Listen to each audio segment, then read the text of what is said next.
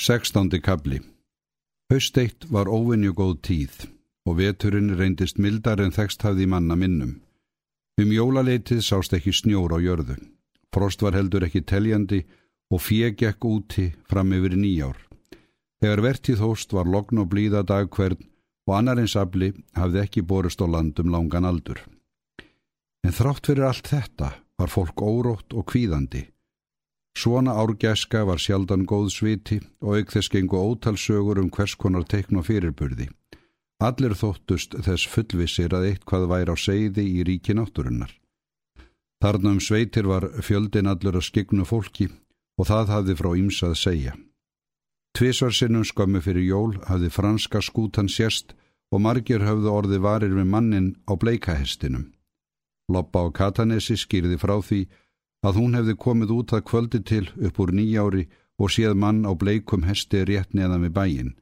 Hann hafði riðið í loftinu ofan túnið án þess að nokkurt hófatak heyrðist og horfið niðri hjá nöstunum. Ennframur dreymdi hana mjög ítla þennan vetur og það bar yðurlega við að hún æfti upp úr svefninum. Tveir menn í næstu sveit höfðu snemma morguns séð urðarmána, gulleitan hálmána sem leið hratt yfir híminin frá vestri til austurs og á kyrrum kvöldum erði fólk oft tófun að væla upp í fjöllunum, óhugnanlega langdregnum og hásum tón. Bæði á gamlástag og nýjárstag fundust jarðskjálta kipir með stuttu millibíli. Jörðin skalf, fjöllin riðuðu og einn bær í sveitinni hrundi til grunna. Annars gerðu hræringar þessar lítið tjón og sama var að segja um eldsumbrotin sem á eftir fyldu. Eldstöðvarnar voru inni til jökla en yfir í sveitinni fjall þund öskulag á jörðu og fólk þar sá gósi strax og dimma tók. Yfir fjallgarðin eis bjartur dökkurauður eldstólpi og hann bar við dimbláan allstildan heiminn. Gósi stóð þó aðeins viku tíma en hvarf síðan. Kvöld nokkurt á útmánuðins að loppa gamla í baðstofun á Katanesi og kemdi ull. Gissur var veikur þennan dag og lág í rúmin á móti henni. Hann hefði haft háan hita en var nú sopnaður og virtist á batavegi. Það var farið að dimma en Loppa var þó ekki búin að kveikja. Hún var í úpnu skapi og held úr skálum reyðinar yfir karlinsinn þegar hann kom til að fá sér þurra vettlinga. Gamle maðurinn fann þá ekki óðagotunu sem á honum var og snýrist þarnum sjálfan sig. Þú verður aðþanga til þú vekur barnið, sagði Loppa ösku vond, en varða hafa lágt vegna sjúklingsins og Kristófer var farin að daprast heyrn. Já, góða mín, nú er ég að fara, ætla bara að fá eitthvað þurft á hendurnar, hann mjúkur í máli, hjálta hún ætlaði að reka hann út.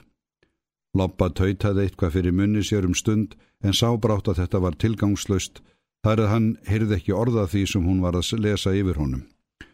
Hún gafst þá upp þó að æf væri og skipaðu honum að fara til helvítis. Já, já, góða mín, ég skal strax fara, bara að ég finni þessa vellinga. En þá reys loppa á fætur og reytti upp kampana. Fyrst Karlkvíkindi heyrði ekkert, þá skildi hann að minnstakosti fá að finna fyrir henni. En Kristófer varð hættunar var í tíma, opnaði loftleran í flíti og skausniður stegan. Vellingarnir mínir, kallaði hann í sömu svifum. Þeir eru þá þarna. Þú hefur setið á þeim kona. Loppa leitt steinhissa á rúmið og þar lágu vellingarnir. Hún þreif þá og kastaði þeim framann í karlinn. Hipjaði þið út, hvæsti hún og eftir honum. Gáðað hvað þú gerir manneskja, kallaði Kristófer gamli og steitti nefan í áttina til loppu. Þú gætir hafa drepið mig ef vellingarnir hefðu verið grjót. Hann skaust undan um leið og hún skellti á hann leranum. Loppa setti staftur á rúmið sitt en ekki hafði skapið batna við þetta. Fyrra árum hafði hún oft svalað sér á því að skamma Kristófer en nú var ekki því að helsa lengur og brennivín hafði hún ekki bragðað í háa herrans tíð. Það var æfærra sem létti henni lífið þegar aldurinn færðist yfir. Gissur litli hafði vaknað við háreistina en sopnaði strax aftur. Hitt fólkið var úti við, Haldur var á sjó ásand skipverjum sínum, hafði tví róið um daginn komað landi með sökklaðin bátum hádegispilið, skipaði upp aflanum og reyri strax aftur. Loppa gamla kveikti enn ekki á lampanum en hallaði sér út af. ætlaði að láta sér renna í brjóst. Þegar hún var búin að liggja þarna stundarkorn, marraði í hurðin niðri og þunglamalegt fótatak heyrðist í steganum. Hvað er nú þetta, hugsaði Loppa. Er þá ekki hreppstjórin á ferðinni? Þetta var fótatækið hans og einskis annars. Hún flýtti sér að opna hleran sem hún hafði hespað aftur. En þegar hún gegðist fram af skörinni sást þar ekkert lífsmark, kvorki í stíganum, nýja húsinu.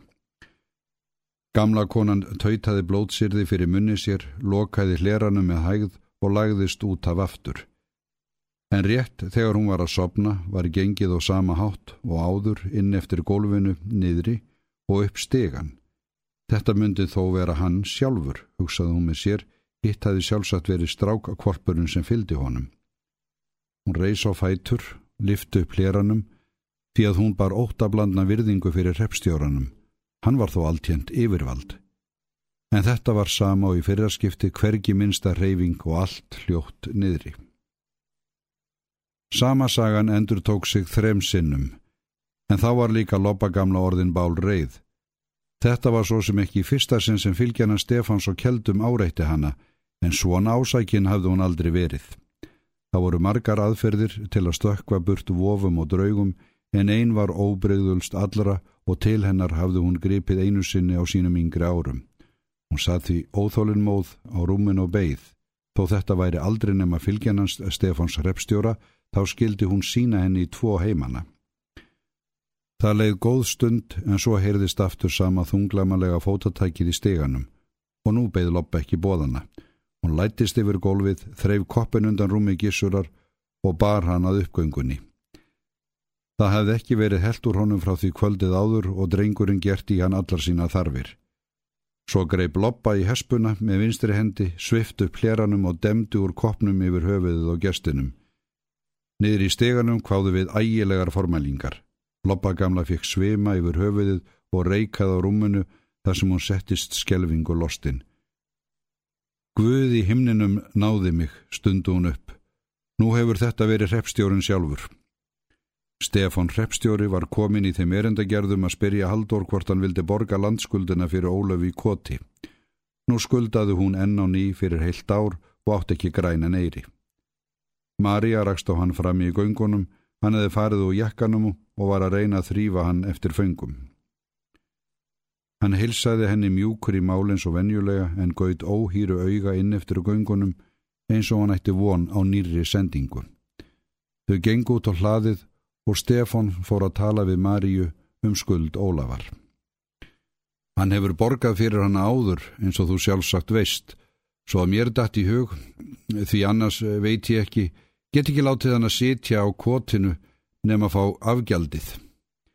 Ég er aldrei nefn að fátækur maður eins og allir vita. Stefan var hár og grannur, lotin í herðum og skeggjaður, píreigur og mjúkur á mannin. Röddin var blíð og prestsleg og maðurinn margorður.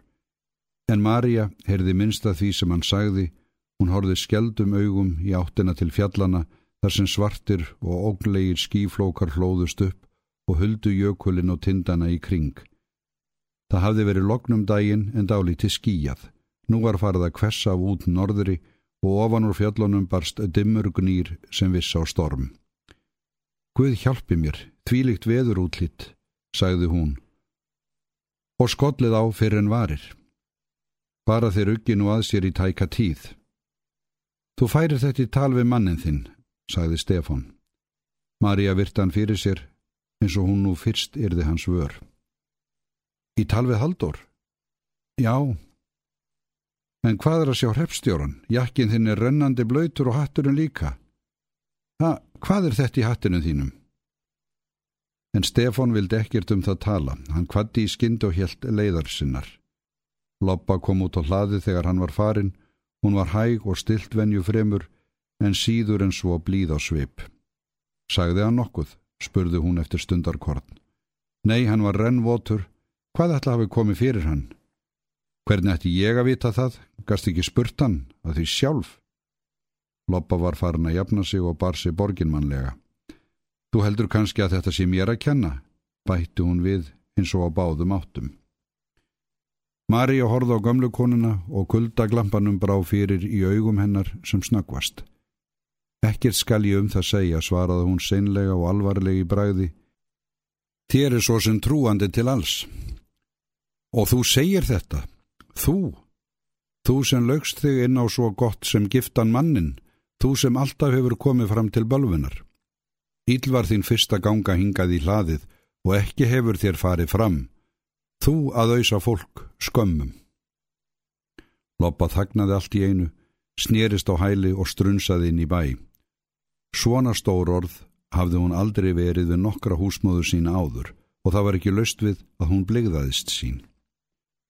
Marja batt á sig öllar hirnuna og gekk niður á nöstunum, stóð þar um stund í myrkrinu og starði út á lignan sjóun. Hún var korki æsni að reið, hugur hennar var allur hjá haldóri. Nú var byrjað að kvessa og þó sást ekkir til bátana. Flest skipin úr vójunum voru sjóð þennan dag en Marja hugsaði ekki um neitt annan en Haldur. Marja elskaði mannin sinna af öllu hjarta, en hún var ekki þannig gerð að hún gæti tjáð ást sína í orðum, þessi staði reyndi hún að votta honum hana í barslegri umhyggju sinni og nærgætni. Henni dættur raunar stundum í hug sitt hvað sem hún hefði gerðan vilja segja honum en aldrei látið að verða. Og það var vist heldur ekki hægt að segja þetta svona stórum og gerfilegu manni. Svo reikaði hún þá um bæin hæglát og þögul, lítilsild og afskiptalauðs við störfsinn og unni hverjum hlut af því að þetta var hans eign. Hún var engin skörungur en henni var ekkert illa við hjúsin af því að hún vissi að þau vildu haldoru vel hvert á sinn hátt, en hún hataði alla þá sem voru á móti honum. Hann var eina ævintýri lífsennar og henni fannst allt gott sem hann gerði. Hún sætti sig við allt nema það að hann hlipundir bakka með ekkjunu í koti því að Marja fekk stingi hjartað þegar Ólöf horða á Haldur ásleitnum augum sínum. Hún reyndi að leggja honum lið eftir bestu getu og vann eins og kraftar hennar leifðu. En það var svo margt að dreyma og í heimi draumsins var hægt að láta allt vera eins og maður vildi. Í veruleikanum var allt hins vegar öfugt og snúið. Hún elskaði börnin sín en hafði ekki lag á þeim eins og vera þurfti. Þau voru miklu hændar að vinnu fólkun en henni. Hún átti erfitt með að skilja hvað eina sem flókið var, hún skinjaði mig hjartanu og varpaði gliti draumsins á indisnæða tilveru sína.